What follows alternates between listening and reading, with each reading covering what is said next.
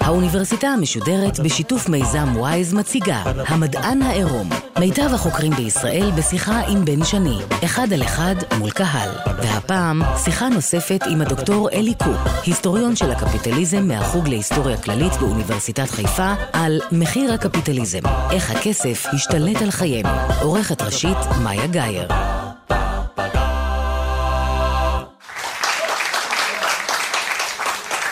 וערב טוב לכם, אנחנו ממשיכים הערב את המפגש שלנו עם ההיסטוריון דוקטור אלי קוק שחוקר את ההיסטוריה של הקפיטליזם.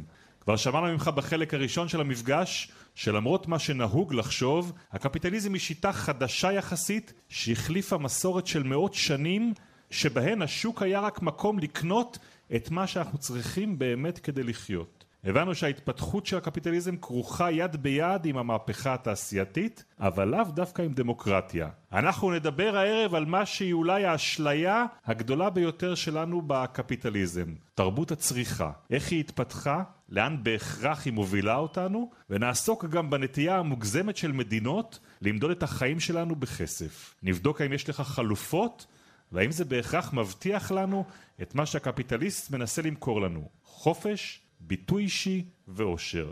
אנחנו במדען העירום של האוניברסיטה המשודרת בשיתוף עם עמותת וואי זו סדרה של מפגשים עם טובי החוקרים בישראל מול קהל בברים ברחבי הארץ. אוקיי, אחרי ההקדמה הארוכה הזאת ואחרי שבשבוע שעבר נתת לנו סקירה ארוכה על איך הקפיטליזם מתפתח לאן שהוא היום, מתי נכנסת למעשה לתמונה מה שאנחנו קוראים לו היום תרבות הצריכה?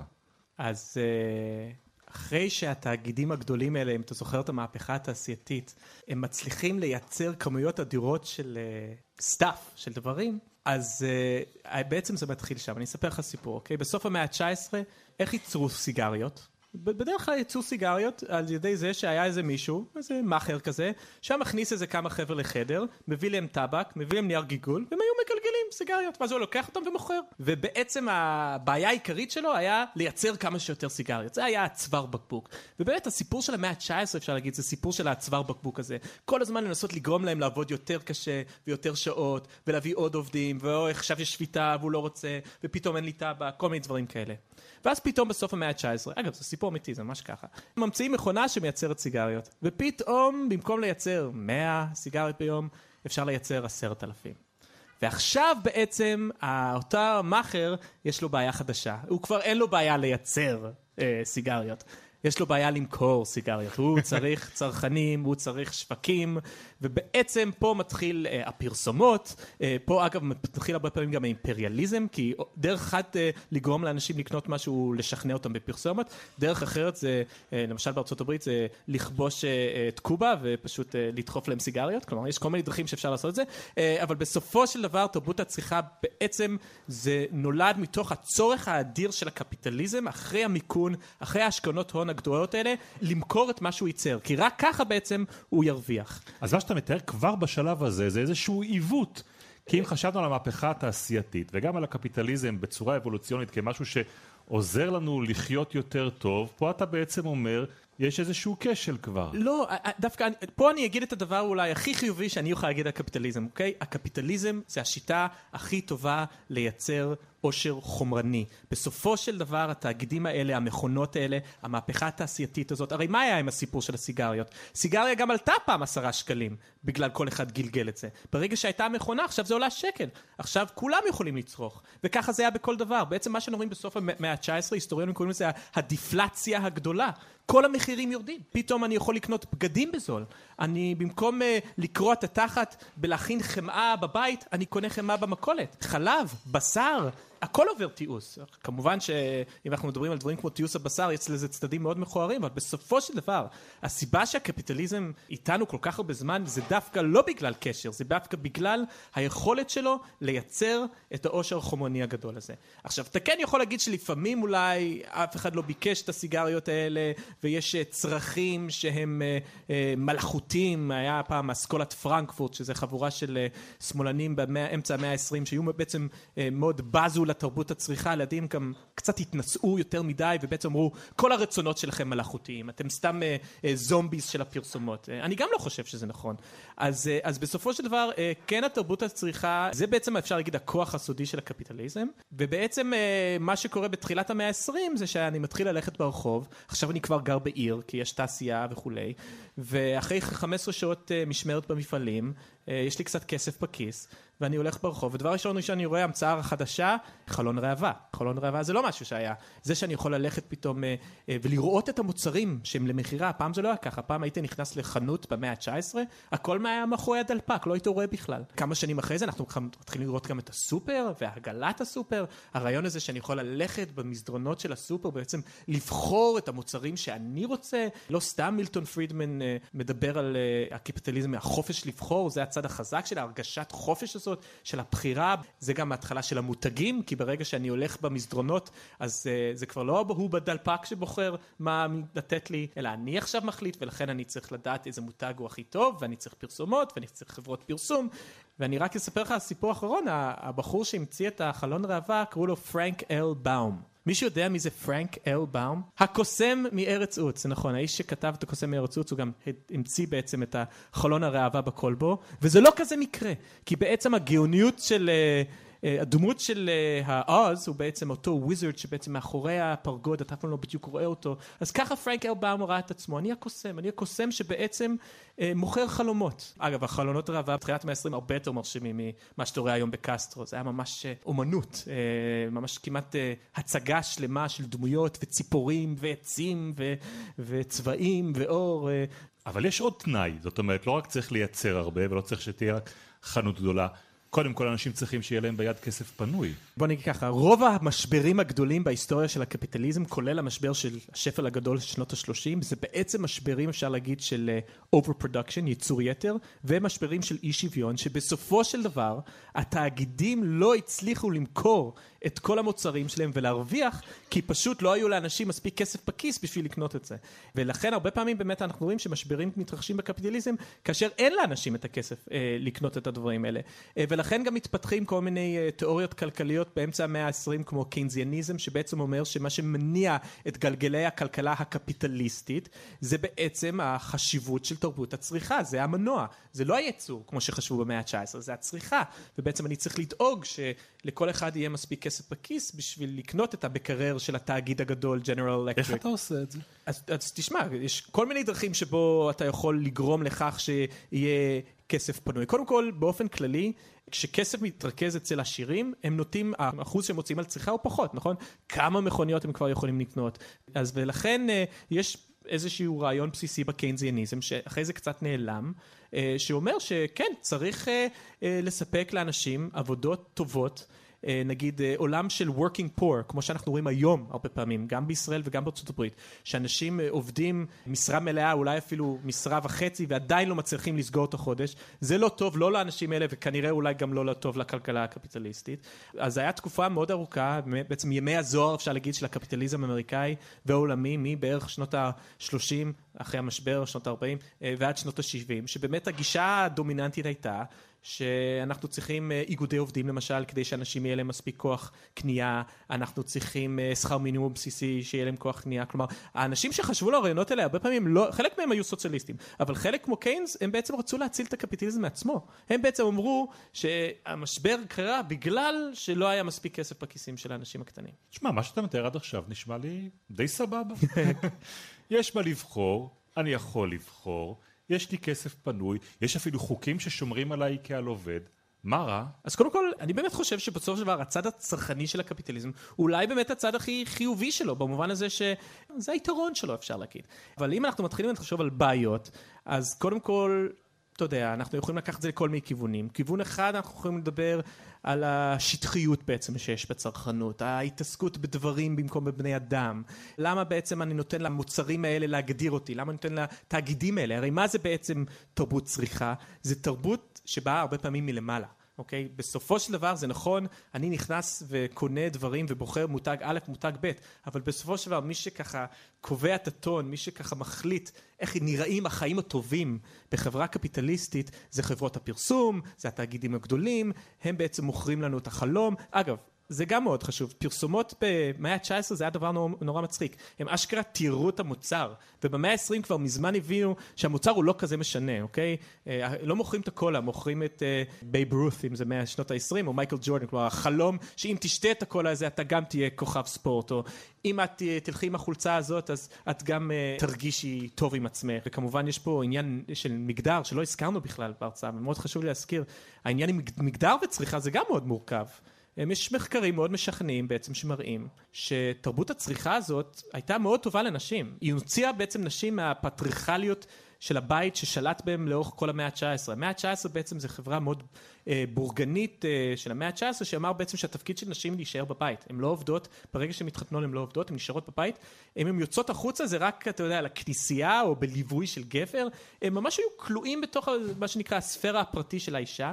ובעצם מחקרים מראים שמה שבעצם שבר חלק גדול מהדבר הזה היה תרבות הצריכה, נשים התחילו לצאת לעשות שופינג אה, וגם אם הם רצו לעשות שופינג היו גם נשים שהיו צריכים למכור להם, הרי הם לא רצו שגבר ימכור להם את החזייה, הם רצו לדבר עם אישה, אז אנחנו רואים גם נשים שמתחילות לעבוד יותר. אה, מצד שני, בדיוק באותו רגע שאנחנו רואים את התהליך הזה, של אפשר להגיד אפילו, אני אזהר, אני אגיד איזשהו שחרור של האישה, אנחנו גם רואים חפצון של הגוף הנשי. כלומר, כבר בשנות ה-20 של המאה ה-20, שזה ככה הסמל של תרבות הצריכה בארצות הברית, ה-Roaring 20's, אנחנו מתחילים לראות פרסומות עם נשים שרואים את הכתפיים שלהם, שזה דבר שבחיים לא היית רואה במאה ה-19, את הקרסוליים, אה, ומשתמשים בזה בשביל למכור מוצרים, סקס סלס. אז אה, מצד אחד חפצון, מצד שני שחרור. זה לא סיפור ש... של שחור לבן פה, זה מורכב. דוקטור אלי קוק, אנחנו מזכירים שאתה היסטוריון של הקפיטליזם. כן. איך היסטוריון של הקפיטליזם חוקר? אז אה, היסטוריונים... עובדים עם ארכיונים, בעצם אה, עכשיו ארכיונים זה יכול להיות לפעמים אני נוסע לארה"ב ואני נכנס לארכיון ואני מתחיל לקרוא מכתבים של בעלי הון מהמאה ה-18 או בעלי עבדים מהמאה ה-19 ואני מתחיל להיכנס לראש שלהם ואיך הם רואים את העולם, זה חלק מאוד גדול מהפרויקט שלי על איך בעצם התחלנו להסתכל על העולם רק במושגים של כסף, התחלתי להסתכל הרבה על אנשי עסקים. מצד שני, אה, הרבה פעמים זה יכול להיות גם פרסומות, הזכרתי את זה, זה חלק מאוד חשוב. עיתונים זה דבר מאוד חשוב, ארכיונים של המדינה. בעצם הרבה מהמדדים שאני... אולי בוא, בוא נרחיב okay. על העניין אוקיי. הזה, כי זה גם נכון. נושא הספר ש... נכון, שכתבת. נכון. האופן שבו אנחנו מודדים ומקמטים את החיים שלנו בכסף. נכון. על איזה מדדים אתה מדבר כשמדובר בקפיטליזם? תוצר לאומי גולמי הוא הכוכב הגדול. בעצם אה, אה, היום אפשר להגיד שהדרך שבו אנחנו מודדים קדמה חברתית, אה, המדד מספר אחד, הוא בעצם כמות הכסף שאנחנו מייצרים בשנה, התפוקה הכספית שלנו, הפריון הכספי שלנו. אתה אומר את זה ואני ממש מרגיש שאתה מתנגד. תשמע, אה, יש הרבה בעיות עם תוצר לאומי גולמי, אני, אני מודה. קודם כל, הבעיה הראשונה עם המדד הזה שהוא לא מודד אי שוויון. כלומר, מה שקורה הרבה פעמים זה שהמדד הזה, נגיד שאומרים שה-GDP per capita, פר בן אדם בארצות הברית הוא בערך 50 אלף דולר, אז זה נשמע כאילו כל באמריקאי גם מרוויח פחות או יותר 50 אלף דולר. זה לא נכון. Uh, בעצם זה מדד של פריון, זה הרבה יותר מדד של כמה אנשים מייצרים, זה לא מדד של כמה הם אשכרה מרוויחים. Uh, אז קודם כל יש את הבעיה הזו. והבעיה השנייה, וזה בעצם חלק מאוד גדול מהסיפור, זה שאני לא חושב שתמיד כדאי למדוד קדמה בכסף, אני יכול לתת לך דוגמה מישראל למשל, בשנים האחרונות אנחנו רואים דווקא עלייה קצת בצמיחה, אז היו אנשים מאוד רציניים, לא אני, שנברו ככה במספרים ואמרו שחלק גדול מאוד מהצמיחה הזאת זה מהלוואות ושאנשים לקחו לקנות אה, רכב שני. עכשיו אני מכיר הרבה אנשים שהיו צריכים לקחת הלוואה לקנות את הרכב השני הזה. אבל האם באמת אני חושב שזה מראה על איזשהו סימון של מדד של קדמה? אם היה פה תחבורה ציבורית יותר טובה, או אולי תחבורה ציבורית בשבת, אם אנשים יכלו לעבוד במקום שאפשר להגיע אליו ברגל, האם הם באמת היו רוצים להוציא את הכסף שאין להם, הם בעצם לוקחים הלוואות על האוטו השני הזה? לא. אבל הנה, התוצר הלאומי עלה, הכלכלה מבחינה כלכלית זה הצלחה. אני רק אגיד פה בהקשר הזה, שאחד הדברים שניסיתי לעשות בספר, זה להראות על איזה, איך אנשים מדדו את הקדמה לפני. היו מדדים אחרים? כן, בהחלט. אז במאה ה-19 בעצם, לפני המהפכה הקפיטליסטית ממש תוספסת תאוצה בארצות הברית, אז המדדים הדומיננטיים קראו להם מדדים מוסריים, moral statistics, וזה היה מדדים של כמה אחוז אנשים יודעים קרוא וכתוב, אה, מספר המלומדים, בריאות הנפש, מספר האנשים שנמצאים בבתי משוגעים, אחוזי כליאה, שזה די אירוני, כי היום בארצות הברית יש את אחוזי הכליאה הגבוהים בעולם. זה, זה מה שמעניין אותי, אין הלימה. בין מושג כמו mm. תל"ג של מדינה, כן. לבין מדדים המוסריים שלה, שתלך ותראה שם שיש פחות בערות במדינה שבה התל"ג יותר גבוה, אולי פחות פשיעה? אז, קודם כל, אנחנו לא תמיד יודעים מה הקורלציה ומה גורם למה, לפעמים בגלל שיש אחוזי קרוא וכתוב יותר גבוהים, אז בגלל זה ה-GDP יותר גבוה, אבל קודם כל, לפעמים יש הלימה, התשובה היא, בוא נגיד ככה, יש צמיחה טובה ויש צמיחה פחות טובה. למשל אני יכול להגיד לך שבסוף המאה ה-19 במהפכה התעשייתית הצמיחה הייתה לא רעה ואנחנו רואים את זה במדדים באמת שהם לא תוצר לימוי גולמי. למשל אנשים גבהו אוקיי? בסוף המאה ה-19 אנשים אשכרה גבהו. אה, אנחנו גם רואים שהם התחילו לחיות יותר שנים אלו מדדים שאני חושב שהם מדדים יותר טובים מתוצר לימוי גולמי ובאמת יש הלימה. לעומת זאת אני יכול להגיד לך שב-40 שנה האחרונות יש איזשהו ניתוק בין אה, צמיחה, תוצר לאומי גולמי, לבין המצב של אמריקאים. אנחנו גם, זה קשור לאי שוויון ודברים אחרים, אבל זה גם קשור למאיפה מגיעה הצמיחה, והיום אני דווקא, אנחנו רואים שהמדדים האחרים האלה, הם לא הולכים יד ביד. רק להביא לכם דוגמה אחת נוראית, היום, השנה, ארה"ב תשבור שיאים של שנה שעברה, של אחוז אמריקאים שהם מתים ממנות יתר. זה משבר מאוד מאוד קשה הברית, אבל אם תסתכל על הכלכלה הברית... אבל אנחנו קובעים באיזה מדדים אנחנו בודקים את עצמנו. מי החליט שדווקא התל"ג הוא מלך המדדים? שאלה מעולה, זה בעצם השאלה שאני מנסה לענות בספר. אז קודם כל, מי זה אנחנו? אה, אני מנסה להראות בספר שהדברים האלה הם תמיד פוליטיים, ואי שם באמצע המאה ה-19 באמת היה מאבק בתוך, ה, אפשר להגיד, הלשכה המרכזית לסטטיסטיקה האמריקאית, אה, מי בעצם יקבע איזה מדדים נשתמש בהם, ואין ספק שמי שניצח במאבק הזה, לא תמיד, אבל ברוב המקרים, היו אה, אנשים עם הכסף שיהיו להם אינטרסים מסוימים. והדבר השני שאני רוצה להגיד פה זה שאנחנו לא לגמרי מחליטים איזה מדדים. זה לא שאני קם בבוקר ומחליט יאללה תוצר לאומי גולמי והייתי יכול להחליף את זה במדדי עושר. בעצם הסיבה שאנחנו משתמשים, וזה בעצם הטיעון המרכזי של הספר, הסיבה שאנחנו משתמשים במדדים של תוצר לאומי גולמי זה בגלל שאנחנו חיים בחברה קפיטליסטית, שבה כל ההקצאה של משאבים וכל ההחלטות מתקבלות לפי רווח, הפסד, תשואה, דברים כאלה, ולכן אה, אם התוצר הלאומי גולמי ירד מחר, הרבה אנשים אה, יאבדו את העבודות שלהם גם, או, או איזשהו משבר כלכלי, או נתניהו יפסיד בבחירות, כלומר אה, יש חיבור מאוד עמוק בין הקפיטליזם לבין המדדים האלה, ולכן אני מאוד אוהב את המדדים האלטרנטיביים האלה, אבל מה שאני כותב בספר בעצם זה שאנחנו לא יכולים פשוט uh, להחליף את המדדים וזהו. אם אתם רוצים לראות שינוי עומק במדדים, אתם צריכים גם לראות איזשהו שינוי עומק בחברה כולה. אתה מזכיר הרבה את הספר, הוא נקרא The Pricing of Progress, תמחור הקדמה. אז אפרופו תמחור, כשדיברת על תל"ג ועל המדדים, דיברת באמת על דברים שנמדדים בכסף כלכליים, אבל אנחנו לא רגילים למדוד דברים אחרים שקשורים בחיים שלנו בכסף, ואתה מוכיח בספר שאנחנו מודדים כמעט הכל לכל מה שקשור בחיים שלנו בכסף. כן, אז הפתרון של כלכלנים, כלכלנים יהיו הראשונים להגיד לך שלא הכל נמדד בכסף. הפתרון הוא למדוד הכל בכסף. ואנחנו מכירים את זה מה... נכון? מה הכתבה שהכי ככה נפוצה בדה מרקר או בערוץ 2, נכון? אנחנו תמיד רואים, מחקר מראה שגלישה בפייסבוק בזמן העבודה עולה למשק, תמיד זה המשק, 200 מיליארד דולר בשנה. כלומר, באמת אנחנו רואים uh, כמעט כל נושא באמת עובר לשפה של תמחור, שזה בעצם בעיניי החלק אולי הכי חשוב בספר שלי שאני מנסה להראות שהקפיטליזם הוא לא משהו שנשאר ב, בעולם העסקי, הוא, הוא בעצם פורץ את גבולות העסקים והוא חודר לחיי היומיום שלנו, לתרבות שלנו, לאומנות שלנו והיום בארצות הברית, פחות בישראל, ההחלטות הכי חשובות הרבה פעמים מתקבלות על ידי uh, cost benefit analysis, כשבשביל לעשות את זה למשל צריך גם uh, לתמחר אותך ולתמחר אותי, והמחיר uh, של בן אדם היום בארצות הברית הוא בערך 9 מיליון דולר. מה זאת אומרת? אוקיי, אז נגיד, זה סיפור אמיתי, אוקיי? אנחנו יודעים ש-SUVים יש להם נטייה להתהפך, ואז אנשים נמחצים ומתים. זה ג'יפ כזה. ג'יפ, כן, כן. SUV. אז uh, אנחנו עשינו חישובים, ואנחנו יודעים שהג'יפונים האלה יתהפכו לפעמים ואנשים ימותו. עכשיו אני יכול להעביר רגולציה במדינה הפדרלית שמקשיח את הגג של ה-SUV, אה, אבל יש לזה איזושהי עלות מסוימת, אוקיי? ליצרני רכב. אז איך מחליטים האם להעביר, אה, להעביר את הרגולציה הזו או לא? אז יש אנשים שעושים חישובי עלות תועלת, שבעצם לוקחים בחשבון את העלות שזה יעלה לי מבחינה זה שזה עוד כסף שהלך לי על ה-SUV. נשלם על הג'יפ יותר בדיוק, כסף. בדיוק, בדיוק. אה, לעומת הסיכוי שאני אמות. ולכן צריך גם לתמחר את חיי הבן אדם, אנחנו כל הזמן מתמחרים. אז את... מי קובע שאדם שווה תשעה מיליון? או, יש כלכלן בארצות הברית, אה, נראה לי שבאוניברסיטת ונדרבילט, שהוא בעצם קבע את השיטה החדשה. אגב, גם הדברים האלה כמו הכל הם פוליטיים. אצל בוש זה היה איזה שישה מיליון. אוקיי. Okay. ובעצם אובמה העלה את זה לתשעה מיליון, ובזה שהוא העלה את זה, הרבה רגולציות שפעם לא עברו, עברו. אז גם זה פוליטי, אה, ואפשר לעשות גם כמובן הרבה משחקים, אבל בסופו של דבר, אם אתה באמת רוצה לדעת, זה ייקח איזה דקה ואני אגיד לך. אה, כלכלנים היום, בניגוד לפעם, הם נורא חשוב להם שהערך של דברים יימדד על ידי איך שאנשים עצמם רואים ערך. אז איך הם קובעים את המחיר של בן אדם? בוא ניקח שני עבודות, אוקיי? אחד מנקה זבל, השני מנקה את החלונות בקומה המאה של איזה גורד שחקים. בגדול אותה עבודה, אוקיי? לא עבודה עם הרבה פרסטיג', הוא לא מעניין, אוקיי? רק עם הבדל אחד קטן אולי גדול. הסיכויים שתמות בתור המנקה של החלון ראווה הוא נגיד אחד במאה. זה לא ככה, אני מקווה שזה לא ככה, למרות שבישראל עם הרגולציה של הבנייה אולי זה ככה. אז מה הכלכלן עושה? הוא אומר, או, oh, תראו את הפער בשכר בין המנקה זבל לבין המנקה חלונות. מה הפער השכר הזה? זה בעצם כמה הבן אדם הזה מוכן לשלם בשביל הסיכוי שהוא ימות. ולכן אני יכול גם לעשות עוד כמה חישובים על סיכויים וזה, אני יכול לחשב כמה הוא מעריך את החיים שלו, וככה הגענו לתשע מיליון דולר. אז אני רוצה שתגיע איתי ל-90 מיליון.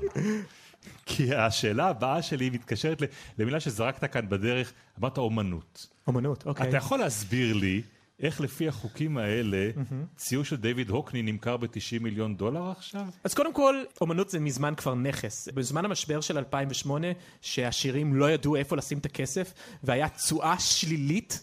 אה, על אגרות חוב, זה אומר שאנשים היו מוכנים אה, לשלם כסף בשביל שרק ייקחו להם אותו, כי הם כל כך חששו, אז אה, בשוק האמנות המחירים עלו. כלומר, בעיניי אמנות במובן הזה זה נכס לכל דבר, אנשים רואים את זה כנכס, כהשקעה.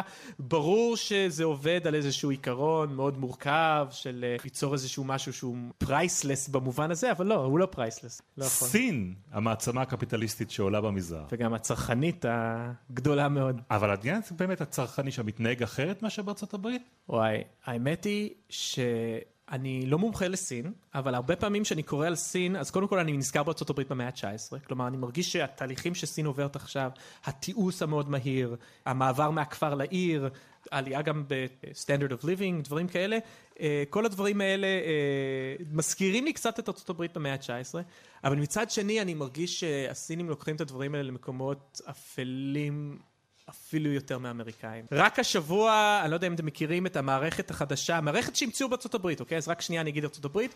בקרוב אגב, כנראה בישראל, יש דבר שנקרא credit rating, שזה בעצם דירוג האשראי של כל בן אדם, לא של מדינות. לכל בן אדם בארצות הברית יש דירוג אשראי, ולפעמים הייתי פתאום מתעורר בארבע בבוקר בארצות הברית, כולי מזיע, שכחתי לשלם את התשלום החודשי לרכב, ובגלל זה אני פוחד שהדירוג האשראי שלי ירד, וזה אומר שאני ארצה אולי לקנות יום אחד בית, אני לא אוכל או משהו כזה, אז, אז עכשיו הכניסו את זה אה, לסין, אבל כמובן הסינים לקחו את זה הרבה יותר רחוק, הם בעצם עוקבים אחרי כל קנייה, אחרי כל דבר, הם רוצים בעצם שאתה תהיה צרכן טוב, אם אתה עושה בעיות אה, אז הם מורידים לך את הדירוג אה, אשראי הזה, אז במובן הזה זה מפחיד. בעצם אפשר להגיד, דיברנו על קפיטליזם ודמוקרטיה פעם אחרונה, בארה"ב עוד תמיד היה אה, את הדמוקרטיה לרסן חלקים אולי הכי אה, חשוכים של הקפיטליזם התאגידי הזה. אה, בסין המחסומים האלה לא תמיד קיימים. נחזור רגע לתמחור של בני אדם. כן. תסכים איתי שאי אפשר לנהל אחרת בית חולים למשל, או מערכת בריאות, נכון? בלי לדעת כמה כסף אתה מוכן להשקיע בטיפולים, ובמה אתה לא מוכן להשקיע. Mm-hmm. איזה אלטרנטיבה אתה מציע? אז קודם כל, בישראל, כשמחליטים מה ייכנס לסל התרופות ומה לא, לא עושים פשוט חישובי עלות תועלת של תמחור בני אדם. יש רופאים, מומחים, שמסתכלים על כמה התרופה הזאת עוזרת וכמה התרופה הזו עוזרת, הם מכניסים מלא שיקולים, האם זה יציל מישהו בן 70 או יציל מישהו בן 4. בסופו של דבר אני יודע שנורא קל הרבה פעמים לרוץ לאיזשהו מדד אחיד שמשווה הכל, אבל זה נורא מפתה וזה נורא מסוכן. זה לא אומר שאני לא חושב שצריך סטטיסטיקות, אוקיי? צריך גם להבדיל בין סטטיסטיות לבין תמחור. אה, הביקורת שלי בספר הרבה פעמים באמת על השלב הזה שאתה מתחיל לתמחר דברים שהם לא נמכרים בשוק, הרי זה, בסופו של דבר זה משחק, זה סוג של בלוף. תמחרו את Yellowstone National Park ב-100 מיליארד דולר, מה זה בעצם אומר באמת? אני לא חושב שזה באמת משהו שאנחנו צריכים אה, לרוץ איתו. אנחנו ראינו לאורך. המאה הקודמת מדינות שהתנהלו בשיטה אחרת לגמרי. אוקיי. אנחנו גם יודעים איך הסיפור הזה נגמר. בדרך כלל בעוני, כן? כן, כן. ובאימוץ של איזה היפר קפיטליזם, נכון? נכון, נכון. מה זה מוכיח? תשמע, קודם כל, אתה בעצם מדבר על רוסיה הסובייטית, אין לי ספק שזה לא הפתרון. אה, בסופו של דבר, חברה אה, טוטליטרית, זה, זה היה פתרון איום ונורא. אה, זה נכון, הרוסים באמת לא תמחרו אה, דברים ברמה של ארה"ב, אה, הם גם לא נתנו לשוק לנהל, אבל אני חושב שבסופו של דבר, אה, הכישלון הרוסי או הסובייטי או הקומוניסטי אה, נבע מההיעדר דמוקרטיה. כלומר, בסופו של דבר אני חושב שאנחנו צריכים למצוא מנגנוני אה, הקצאה של משאבים שבהם כל אחד מאיתנו יש בו קול, וזה לא צריך להיות מגבוה, לא אם זה תאגיד שבא מגבוה ואומר מה צריך לעשות, איזושהי היררכיה, ולא אם זה, אתה יודע, המדינה הקומוניסטית הטוטליטרית. תשמע, לסיכום, אתה יכול להציע איזושהי חלופה לשיטה הזאת, לקפיטליזם? כן, אני חושב שקודם כל הזכרנו כבר, אני לא אדגיש את זה שוב, אבל החשיבות של הדמוקרטיה, זה נשמע כל כך פשוט, אבל יותר ויותר החלטות היום מתקבלות אה, דברים כמו כלל ההוצאה, מי שמכיר, אוקיי? היום אה, שר האוצר, נבחר ציבור, היכולת שלו להגדיל את הגירעון, להגדיל את ההוצאה הציבורית, אוקיי? ההוצאה הציבורית בישראל יורדת כבר 20 שנה, היא הרבה מתחת לממוצע של מדינות ה-OECD, אוקיי? אנחנו הרבה יותר אה, בעצם בצנע מהמדינות, וזה לא חייב להיות ככה, ואפילו כחלון, אם הוא היה רוצה, אין לו הרבה יכולת לשנות את זה בגלל כל מיני, בעצם כל מיני מנגנונים שבעצם כובלים את הידיים שלו ושל הדמוקרטיה. אז זה דבר ראשון. ובאמת אני חושב שאחד הפתרונות כרגע זה הוצאה ציבורית. יותר גבוהה. אני גם חושב שאנחנו צריכים להעלות מיסים על עשירים. יש את התופעה של תומאס פיקטי, מדבר על זה כבר אה, הרבה שנים, על האחוזון העליון, זה אפילו לא האחוזון העליון, זה המיליון העליון, זה אלפיון עליון. אם תסתכל על גרפים, לאן מגיעים פירות הצמיחה? בישראל קצת פחות, אבל גם, אה, בארצות הברית, שבעצם אנחנו רואים עלייה מטורפת באי שוויון מאז שנות ה-70, וזה לא חייב להיות ככה, רק דוגמה אחת, ארצות הברית. המעוז הקפיטליזם, המס השולי הכי גבוה בשנות ה-60 על המיליארדרים באמריקאים היה 94 אחוז. עכשיו, אני לא אומר שצריך מס של 94 אחוז, אבל היה את זה. בארה"ב לא רק שהוא תפקד, אלו השנים עם אחוזי הצמיחה הכי גבוהים בהיסטוריה האמריקאית. אז התשובה שאנשים יגידו זה, החברות האלה יברחו. וזה נכון, יש בעיה של גלובליזציה היום שההון יש לו כוח לברוח. אבל גם זה משהו שאולי צריך לשקול. אז, אז יש המון דברים, אה, ודבר אחרון שאני רק אדבר עליו פה, האלטרנטיבה אולי לתאגידים, אה, שהיה מאוד פופולרי במאה ה-19, קצת ירד במאה ה-20, זה קורפורטיבים. הבנק שהייתי חבר בו בארצות הברית, הוא היה קורפורטיב, credit union. זה בעצם אומר שכשאני פתחתי את החשבון בנק, שילמתי קצת כסף, וקניתי בעצם מניה בבנק הזה, ועכשיו אני אה, בעל המניה, ואם אני רוצה, אני יכול ללכת לפגישות השנתיות, ולהצביע, ולהחליט מה צריך לעשות עם הבנק, ואיזה מדיניות צריך לנהל, כלומר, יש לזה מנגנון הרבה יותר דמוקרטי, הרבה יותר מקומי, ו- וזה הנה, מנגנון אחר שאולי אה, ישמש כאלטרנטיבה לעתיד. דוקטור אלי קוק, יש גם קהל בבר הזה שבו אנחנו נמצאים היום בתל אביב, יש גם שאלות אני רואה. ערב טוב. שמי אריה. התיאור שתיארת כולל בתוכו הרבה ייצור של מוצרים, של מצרכים, של חפצים. כן. והיום אנחנו רואים מעבר של הערך מאטומים לביטים. נכון. איך זה נותן מבט חדש, שונה? שאלה אחרת, דיברנו הרבה על ארצות הברית. באירופה ובמדינות שונות יש גישות קצת אחרות. לגמרי. איך זה משליך על קפיטליזם ועל דמוקרטיה? אה, שאלה מעולה לגבי המהפכה הדיגיטלית והאינטרנט. אה, אין ספק שאני מלמד בקורסים שלי שאם הרכבת הייתה המהפכה של המאה ה-19, אז אין ספק שהמהפכה הקפיטליסטית של המאה ה-21 זה האינטרנט. אני לא יכול להגיד לך לאן זה הולך, היום מדברים הרבה על platform capitalism. אובר זה החברת רכב הכי אה, חזקה בעולם ואין לה בעלות על אף רכב. Airbnb זה החברת נדל"ן הכי גדולה בעולם, אין לה דירה אחת. כלומר שהכוח עובר לפלטפורמות, והכוח כמובן עובר לדאטה שלנו, אוקיי? Okay? And if it's free, it's because you're the product, מי שמכיר מכיר את הביטוי הזה, ו- וזה עולם חדש מופלא, אני היסטוריון, אני לא עוסק בזה, אבל זה תחום מרתק.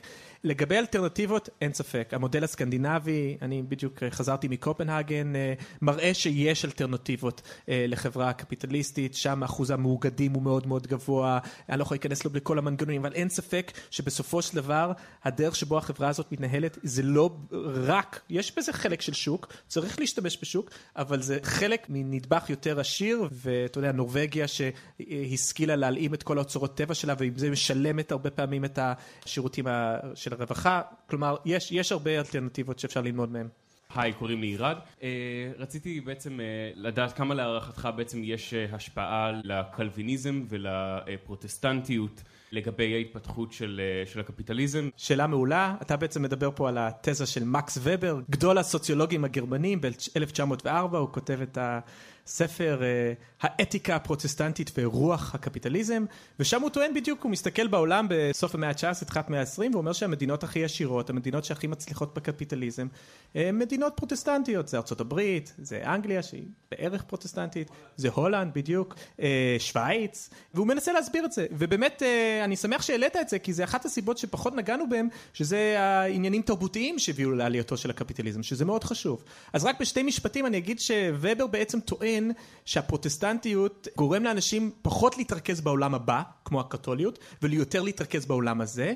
אה, אנשים כל הזמן מחפשים בעצם סימנים מעידים לזה שהאל בחר בהם, ואחד הסימנים מעידים זה שהם מתעשרים, אז אין ספק שזה חלק מזה, והחלק השני שהוא מאוד uh, מתחבר בין קפיטליזם לבין uh, פרוטסטנטיות, זה אינדיבידואליזם. העולם הקתולי בעצם זה עולם קצת פאודלי, זה עולם מאוד היררכי, יש את הכומר, הכל עובר דרכו, אני בכלל לא יכול לקרוא את כתבי הקודש כי אני לא קורא לטינית. הפרוטסטנטים כמובן, המהפכה הפרוטסטנטית, דבר ראשון שהם עושים, מתרגמים לגרמנית את כתבי הקודש, שכל אחד יכול לקרוא אותו, אז באמת יש משהו יותר אינדיבידואלי. דואליסטי בפרוטסטנטיות, הקשר הוא ביני לבין האל, ולכן uh, התשובה היא כן. Uh, למרות שאתה יודע, יש אנשים שלא אוהבים את התיאוריה הזו, מה עם היהודים, מה עם היפנים, uh, אבל אני אוהב את זה, אני חושב שזה משכנע. דוקטור אלי קוק, אנחנו ממש לקראת סיום, ותמיד בסוף יש לנו איזה סבב כזה מהיר של שאלות, התשובה עליהן צריכה להיות קצרה, אם אפשר. אוקיי, אני... במשפט, אני תנסה.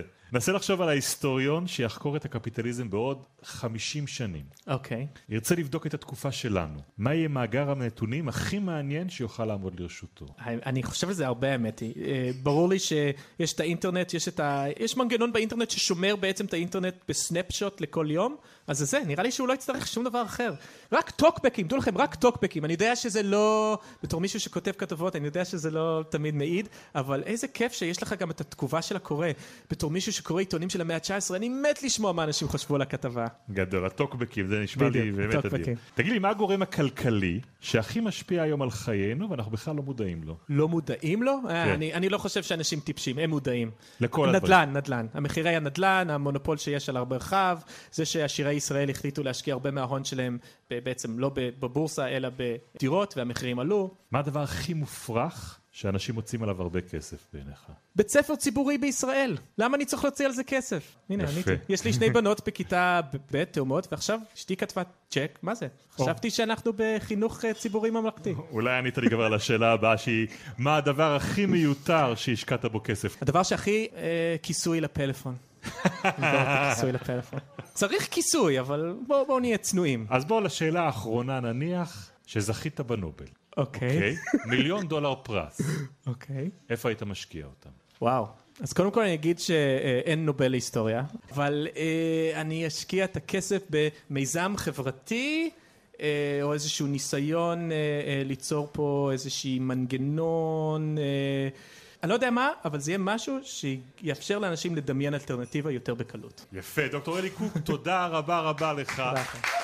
תודה גם למי שסייעו בהכנת התוכנית, לעורכת מאיה גייר, על ההפקה והתחקיר כמו תמיד נחום וולברג, על הביצוע הטכני בני יהודאי ומיכאל אבו, תודה רבה לשותפים שלנו ממיזם וויז, עד הפעם הבאה, אני בן שני אומר לכם, לילה טוב. תודה רבה.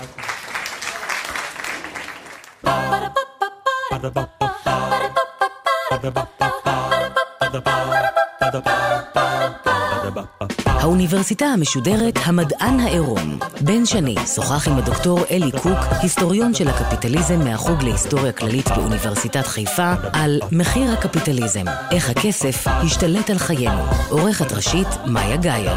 עורך ומפיק, נחום וולברג. ביצוע טכני, בני יהודאי ומיכאל לבו. האוניברסיטה המשודרת, בכל זמן שתרצו, באתר וביישומון גלי צה"ל ובדף הפייסבוק של האוניברסיטה המשודרת. ba da.